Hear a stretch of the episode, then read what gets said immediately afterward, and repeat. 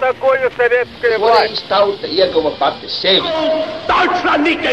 Liktenīgas nejaušības un slēptas likumsakarības, subjektīvas patiesības un objektīvi aizspriedumi.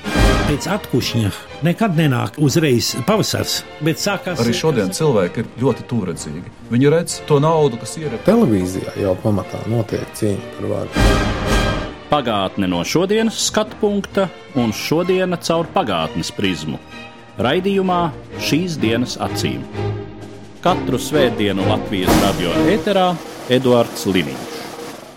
Labdien, cienījamie klausītāji! Šodien vēlos pievērst jūsu uzmanību nesen iznākušai grāmatai, un tās autors Uldis Neiburgs ir mans šodienas sarunbiedrs. Labdien! Labdien! Grāmata Grēka un ienaida liesmās nosaukums tiem, kuri ir sekojuši tavai līdzšinējai publicistiskajai darbībai, jau liecina, ka tas ir turpinājums tavam iepriekšējam darbam, grāmatai Dievs tava zeme deg. Šīs divas Andreja Eglīša rindas, kuras uh, Lūcijas garūtas komponētas lielā mērā ir kļuvušas par poētisku simbolu otrā pasaules kara ciešanām, traģēdijai, problemātikai Latvijā. Cik lielā mērā šī grāmata ir iepriekšējās grāmatas turpinājums, un uh, cik lielā mērā tā ir kāda tālāka attīstība? Es šīs abas grāmatas apzināti saucu par grāmatām dvīnēm. Jo gan dizains, gan iekārtojums, gan tas vēstījuma veids ir. Es centies to saglabāt tādu pašu kā pirmajā grāmatā, un tas ir darīts apzināti. Tie ir uh, raksti par to, kas Latvijā otrā pasaules kara laikā noticis. Un uh, tas vēstījuma veids ir, varētu teikt, kaut kas pa vidu starp akadēmisko literatūru un daļtūru un populāriem rakstiem. Tur var diskutēt par to nišu, bet tas pamats vai tā doma ir palikusi nemainīga. Ja, uz akadēmiskiem pētījumiem balstoties, veidot stāstījumus, kas ir viegli uztverami plašai publikai cik tā grāmata atšķirās no iepriekšējās, to es domāju, vairāk, lai spriež tie, kas varbūt to grāmatu lasa un varbūt recenzēs un tam līdzīgi. Es kā autors jau īpaši mans rokraksts nav mainījies. Cita lieta varbūt tās tēmas ir atšķirīgākas. Lai gan arī līdzīgas, ja, piemēram, pirmajā grāmatā es rakstīju Žāni Lipki vai Konrādu Kalēju un tādām personām, vai šī jaunajā grāmatā ir raksti par Herbertu Cukuru, Vasiliju Kononovu. Tās ir personas gan vēsturē, gan publiskā telpā, kur vārdi ir viennozīmīgi svarīgi, aktuāli bijuši visus šos gadus un vēl joprojām. Tāpat arī tēmas, par kurām rakstu vairāk skar vācu okupācijas laiku, bet ne tikai. Ja, piemēram, es rakstu pirmajā grāmatā par okupācijas varu maiņām, kā tas notika, piemēram, Rīgā 41. gada 1. jūlijā un 43. 3. oktobrī, šeit es rakstu par cīņu par Liepāju kara sākumā. Tāpat es šeit rakstu, kas notiek Jālgavā 46. gada jūlijā, augustā, kur nāk klāt arī visa šī Jālgavas nopostīšana, Jālgavas aizstāvēšana iesaistīto latviešu karavīru darbību, līdzpārdzīvojumu civiliedzīvotāju pārdzīvojumu, kur ir spiesti kā bēgļi atstāt savu dzimto pilsētu. Te, tās tēmas ir līdzīgas. Šajā grāmatā varbūt vairāk ir tādi temati, par kuriem ir īstenībā mazāk pieejami arhīvu dokumenti. Grāmatā Dievstāv zeme deg, es rakstu piemēram par latviešu policijas bataljoniem Varšavas geto, ko mēs pētījuši esam kopā ar profesoru Ēriku Jēkabsonu, kuri pieļem ļoti daudz dokumentācijas, gan latviešu, gan padomju, gan poļu izcelsmes avotu un daudz literatūras. Piemēram, šeit es rakstu par eh, Romu iznīcināšanu Latvijā vai izvairīšanos no viņu iznīcināšanas, kā tas ir tāls pusē, piemēram, jeb te es rakstu par lietuviešu krasta sardzes likteni Pāvilostā, kur viņi tiek nogalināti par atbalstu latviešu laivu bēgļiem. Piemēram, par šādām tēmām materiāli ir maz. Ir vairāk mutvārdu liecības saglabājušies, ir varbūt kaut kādas arhīvu dokumenti, protams, ir tos esmu izmantojis, bet vairāk sanāk rakstīt par tēmām, kur drīzāk es veicu no vienas puses gan izpētes darbu, gan uz esošo avotu bāzes es veicu kaut kādu šīs tēmas pieteikumu, un, piemēram, padomju partizānu kaujinieku vienības sarkanā būtu kurzemē un tās noziegumi pret civiliedzīvotājiem. ir daudz visādas mutvārdu liecības. Piemēram, paši kaut kādi padomu izcelsmes dokumenti, kur tas būtu strikti dokumentēts, vai šīs partizānu atskaites, protams, ir, bet tur jau neparādās, teiksim, šī realitāte, kas ir notikusi. Un tas ir šie cilvēkstāsti, kas jāliek klāt, un tā veidojas ar šis mans vēstījums vai stāsts, kad ir iespējams apvienot gan šo akadēmisko pētniecību, gan mutvārdu vēstures avotu izpēti, gan, protams, ir svarīgi dažādas arī diskusijas sabiedrībā, piemēram, kā mēs tikko dzirdām, atkal Herberta Cukura lieta ir aktualizējusies. Un, protams, par Herbertu Cukuru arī es rakstu, bet nu, tas ir viens raksts, lai gan par viņu jau ir uzrakstītas atsevišķas grāmatas un varētu vēl uzrakstīt. Kas ir tie tavas intereses piesaistes punkti? Tu jau mazliet piesauci, bet vēlreiz, vai tās ir spilgtas personības primāri vai procesi, kuriem tu centies izsekot cauri visai kara gaitai. Man rakstot par vēsturi, īpaši par otrā pasaules kara vēsturi, jau par citām tēmām strādājot, filmām, mācību materiāliem un tam līdzīgi, tā man pieeja pamatā ir tāda, ka lietas, manuprāt, ir jāatklāj pēc to būtības, Tātad ir jāiezīmē kaut kādas iesaistītās puses, jādod kaut kāda pamata informācija par motivāciju, par darbībām, kaut kādi slēdzieni par rezultātiem un tā tālāk. Un man ir svarīgi, ar, protams, lai šie procesi tiek atklāti, nu, lai viņi nav vienmuļi, lai viņi nav pelēki, ja tā var teikt, ja, lai viņi ir atklāti pietiekami interesanti, lai tur ir kaut kādas pretrunas, lai tur ir uh, emocijas, jo tas, kā es teicu, veido kopumā to vēstījumu, un, manuprāt, tas uzrunā auditoriju. Ja tas ir mazliet varbūt arī tāda koķetēšana ar auditoriju, bet es domāju, viņi ir normas robežās, un tas ir pietiekami korekti un taktiski, un, kā saka, ar zināmu gaumi darīts.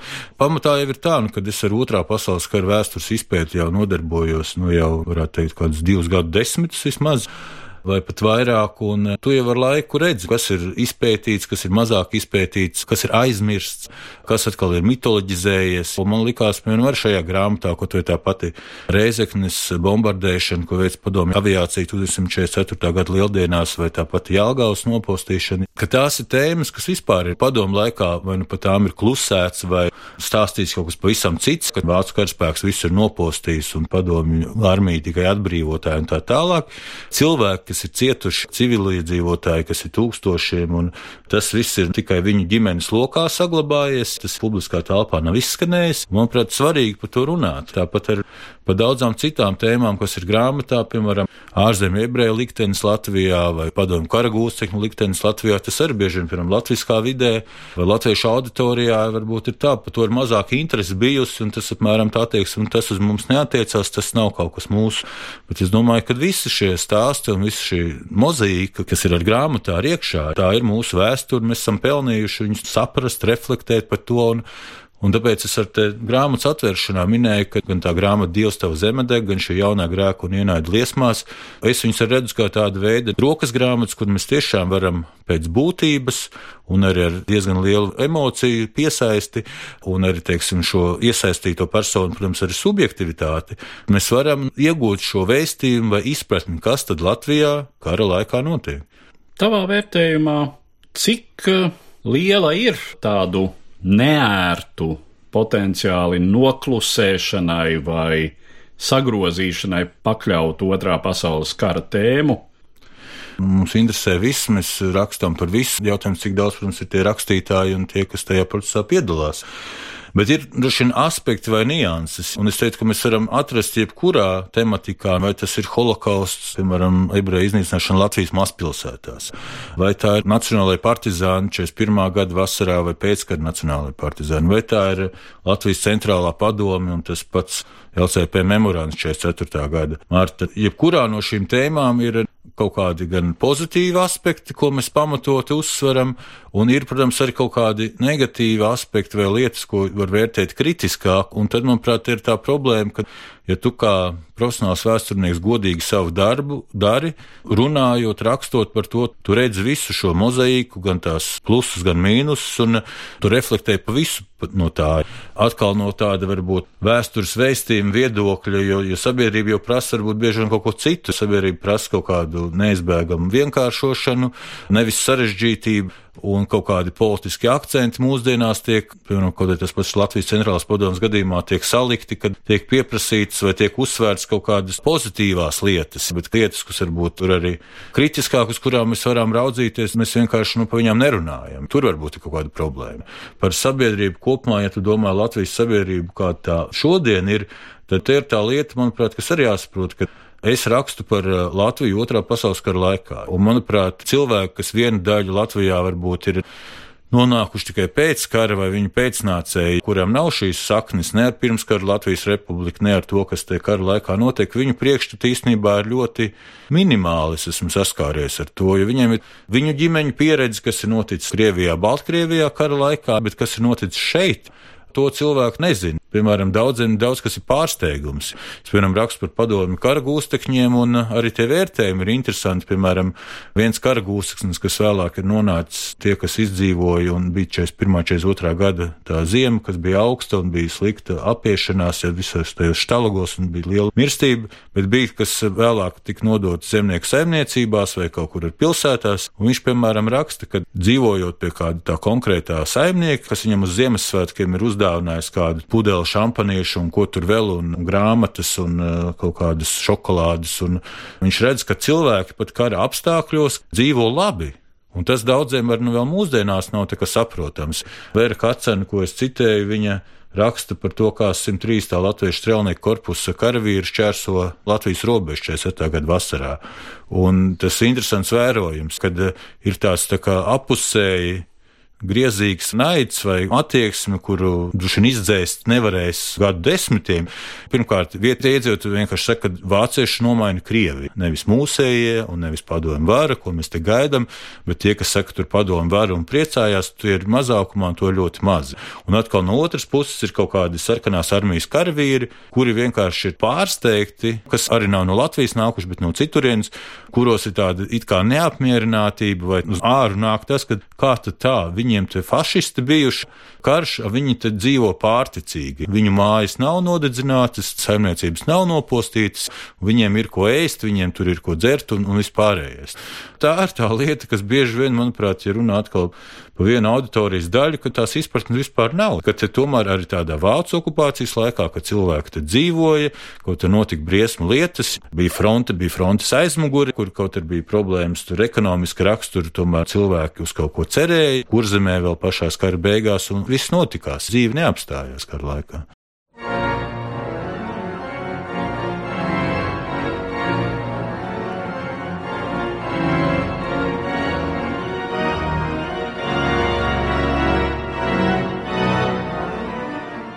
No nodaļas Latviešu sarkanarmiešu atgriešanās. 1944. gada 18. jūlijas bija nozīmīga diena daudziem sarkanās armijas latviešu karavīriem, kuri pēc trim smagiem kara gadiem un cīņām pie Maskavas, Staraja Rusas un Demjanskas bija palikuši dzīvi un tagad atgriezās dzimtenē. 1944. gada vasarā izveidotajā 130. latviešu strēlnieku korpusā ar ģenerālmajoru Detlau Brandkalnu priekšgalā ietilpa cīņās Krievijā kaujā rūdītā 44. gvardes, pirms tam 201. latviešu strēlnieku divīzija un tikai nesen saformētā 308. latviešu strēlnieku divīzija. Šis padomju karaspēka formējums gan vairs tikai pēc nosaukuma bija latviešu, jo, kā atzinuši arī paši kara veterāni, 18. jūlijā Latvijas robežu netālu no šķaunes šķērsoja nevis latviešu divīzija, divīzija, bet gan kaut kāda salasīta, īsti internacionāla karaspēka vienība. Atgriežoties dzimtenē, cīņā ar atkāpjošos vācu karaspēku iesaistījās 43. gvardes divīzijas 125. gvardes strēlnieku pulka karavīri, bet pārējās 130. strēlnieku korpusa daļas Latvijas teritoriju sasniedza pārgājienā bez saskarsmes ar pretinieku. Par to liecina arī līdz mūsdienām saglabājušies foto uzņēmumi ar orķestri, kas muzicē uz robežas, un jau uzstādītu robežstābu ar uzrakstu Krievu valodā Latvijas PSR, kam garām soļo karavīru kolonnas. Viens no viņiem bija 123. gvardes strēlnieku pulka komsorgs Zālamans Eidus, kas vēlāk atcerējās. Kaut arī ierindas atstāšana visos reglamentos skaitās nopietns pārkāpums, to dienu par šādu rīcību neviens sodīts netika. Kā negudri, karavīris skrēja uz Latvijas pusi, metās zemē, skūpstīja to, bāza zemes saujas kabatā, lēkāja. Ar grūtībām komandieriem izdevās atjaunot kārtību, jo sevišķi tāpēc, ka arī viņi pārdzīvoja to pašu, ko ierindnieki. Kaut arī paši latviešu strēlnieki lielākoties jutās kā savas dzimtenes atbrīvotāji, vietējo iedzīvotāju attieksme pret sarkanās armijas atgriešanos netuvu nebija tik labvēlīga, kā tas attēlots padomju laika publikācijās. Realitātē savu atbrīvošanu ar patiesu prieku gaidīja tikai tie, kuru piederīgie bija devušies uz Krieviju, un tie, kas bija cietuši no vācu okupācijas varas, taču lielākā daļa Latvijas iedzīvotāju iedzīvotāju sarkano armiju sagaidīja bez īpaša entuziasma un pat ar bailēm. Arī frontes laikraksta latviešu strēlnieks līdzstrādniece komuniste Vera Kacana savās kara laika piezīmēs ir atzīmējusi, ka vismaz viņas sākotnējo sajūsmu par Latvijas sasniegšanu pakāpeniski ir nomākusi apziņa, ka, citējot, vietējie pārmaiņas izjūt pa savai vīzei, ir beidzies vācu laiks un sācies krievu laiks. Tikai retais pateiks padomju vāra, un tad arī tie, kas to saka ar patiesu gandarījumu, ir mazākumā. Līdz 1944. gada 1. decembrim sarkanās armijas iekarotajā Latvijas teritorijā bija iesaukti 43,000 un 8 karavīri, bet līdz gada beigām savas karaspēka daļas bija atstājuši vai tajās nebija ieradušies 2254 cilvēki. Viens no jauniesauktajiem bija arī 18-gadīgais Aleksandrs Bečs, kuru 1944. gada 17. augusta agrā rītā Prēļu pagasta polotskiešu mājās vēl gulošu pārsteidza negaidīta nepatīkama prasība izlasīt un parakstīties uz iesaukšanas pavēstes, bet pēc trim dienām sekoja divu nedēļu ilgas apmācības Aiviekstes upes krastā. Citējot, dienu pēc dienas mums tur mācīja un stāstīja visu par viņu varoņdarbiem, par brīvību un nākotnes celšanu, ar fizisko audzināšanu nodarbojāmies stingri, ik rītus saulē vai lietū gandrīz kaili devāmies 2-3 km skrējienā, To darot, daudzi, kas bija vājāki, saslima gan ar temperatūru, gan ar muguras sāpēm.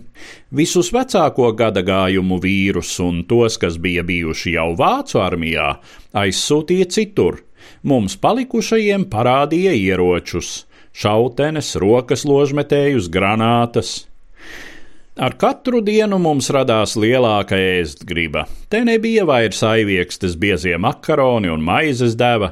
Šeit man beidzās pēdējā maizes šķēlīte no mājām un sākās vairāk kā pusgadu ilgais bāda periods.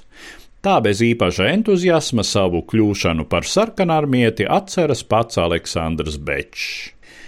Arī otrās Baltijas frontes pretizlūkošanas pārvaldes smerš priekšnieks ģenerālmajors Žeļezņikovs 1944. gada 25. augustā bija spiests atzīt, ka līdzās augstajam morālajam un politiskajam stāvoklim 130. latviešu strēlnieku korpusā no atsevišķu karadienas tēsošo personu puses ir novērotas kontrrevolucionāras izpausmes un pretpadomju izteikumi. 43. gvardes latviešu strēlnieku divīzijas mācību bataljona komandieri majoru Josifu Deperu apcietināja un sodīja ar desmit gadiem ieslodzījuma par to, ka veicis pretpadomju aģitāciju divīzijas virsnieku vidū, nomelnojot komunistiskās partijas un padomju valdības vadītājus un stāstot par gaidāmo apvērsumu padomju savienībā. Šīs pašas divīzijas sarkanarmietis Jākopsons sarunās ar dienesta biedriem pat izteicies. Mums stāstīja, ka vāciešiem nekā nesot, ka viņi mirstot badā, bet vācieši ir pēduši un tās ir bijušas tukšas runas. Es labi dzīvoju Ulmaņa laikā, biju vienmēr paēdis un apģērbts, tāpēc vēlams, lai arī pēc kara Latvijā nodibinātos Ulmaņa laiku kārtība.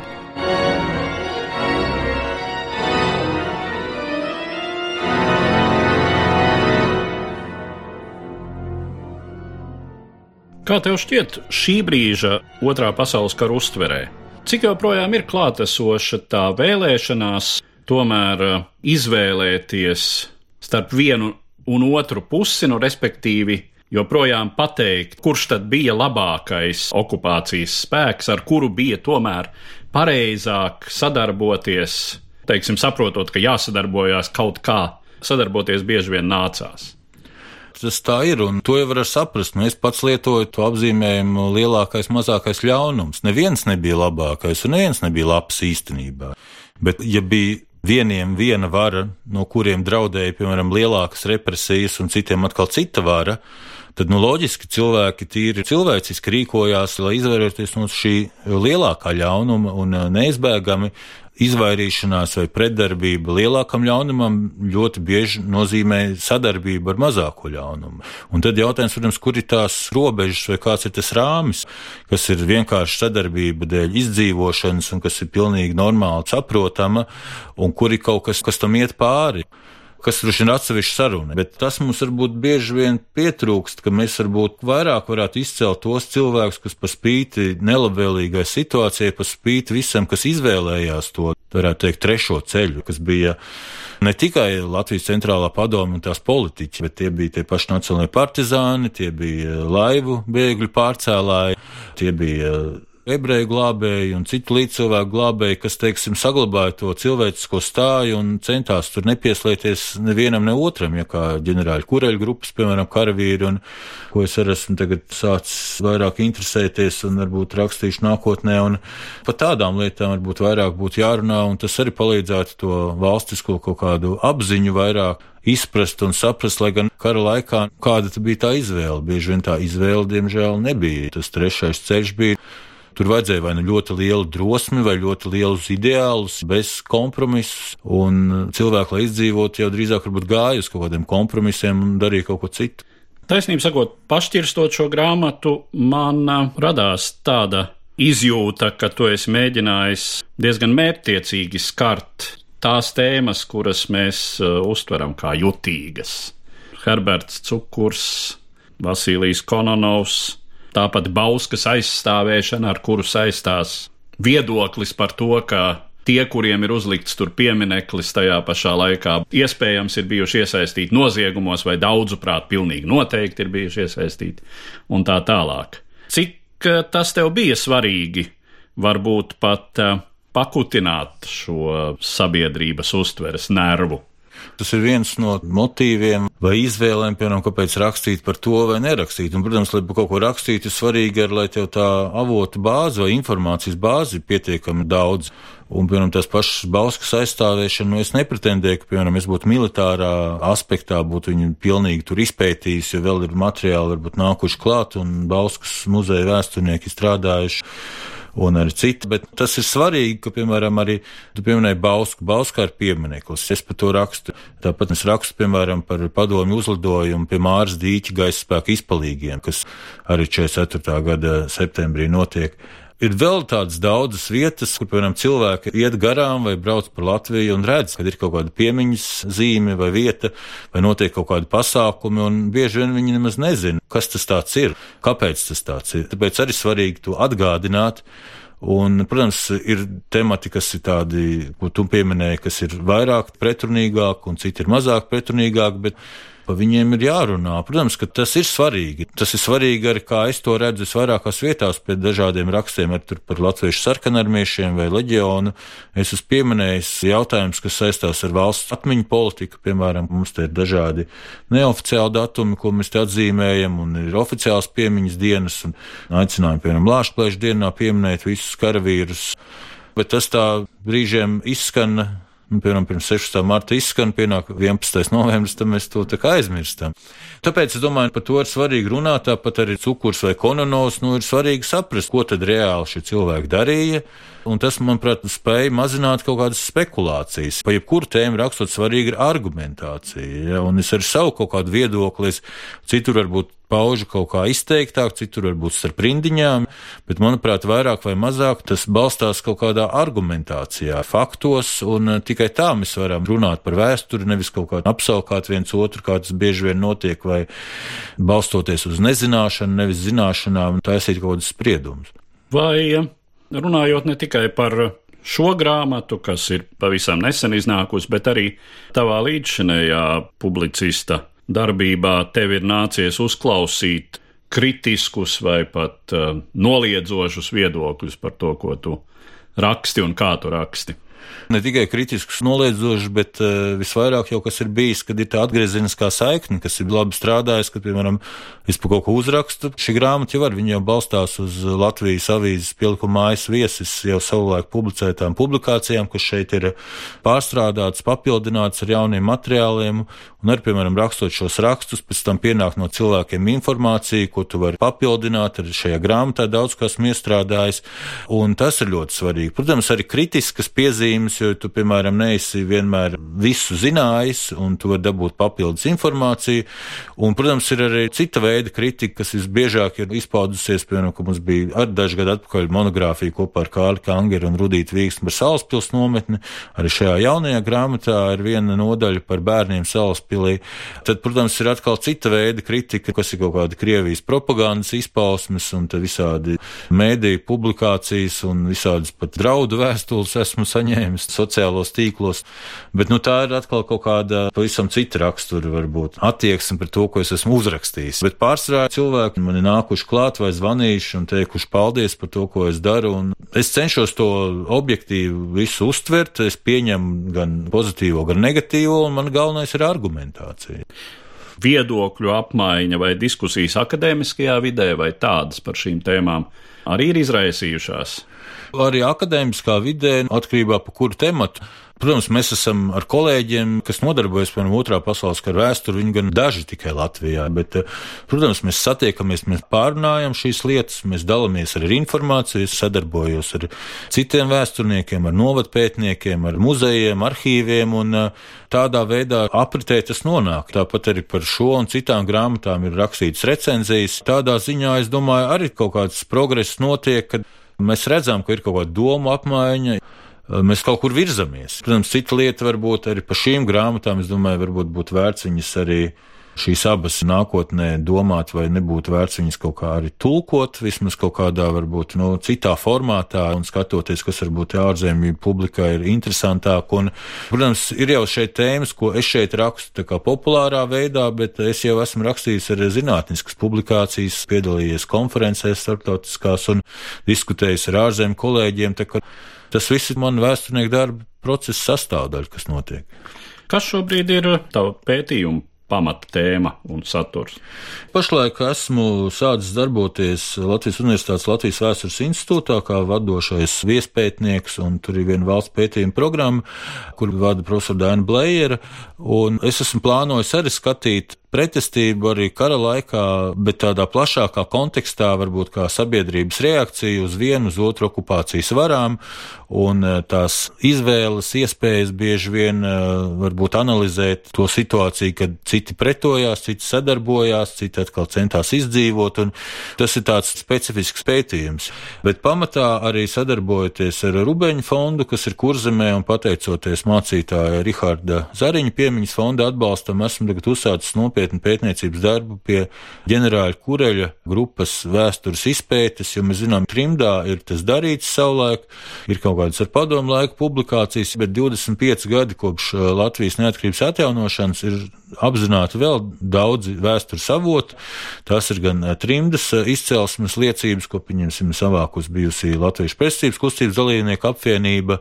Tie ir, teiksim, gan padomu laikā te savākto zinātnisko ekspedīciju dokumenti, materiāli materiāli, kas varbūt ir padomu laikā tikai nepilnīgi un ideoloģiskām vajadzībām izmantot. Tas ir čekas notiesāto arestēto kureliešu krimināla lietas un šie dokumenti, un tāpat arī šis Rubeņu fonds, kurzmē Andrēs Ķēzers, ko vada uz vietām, ir savākuši daudzas liecības. Tā doma ir visu to apkopot un sadarbībā ar Leitnanta Rubeņa muzeju Kurzemē šādu pētījumu uzrakstīt. Jā, jo es domāju, tas ir svarīgi izdarīt tagad, kamēr vēl ir mums tāda saikne ar to laiku, un ir aktīvi cilvēki, kas ir uz vietām strādājuši, un to vajag izmantot. Vēlot eh, veiksmi un izdošanos gan eh, nākamajos pētniecības, gan eh, publicistikas darbos, saku paldies par šo sarunu grāmatas grēka un ienaida liesmās autoram, vēsturniekam Uldim Neiburgam. Katru svētdienu Latvijas radio viens par pagātni sarunājas Eduards Liniņš.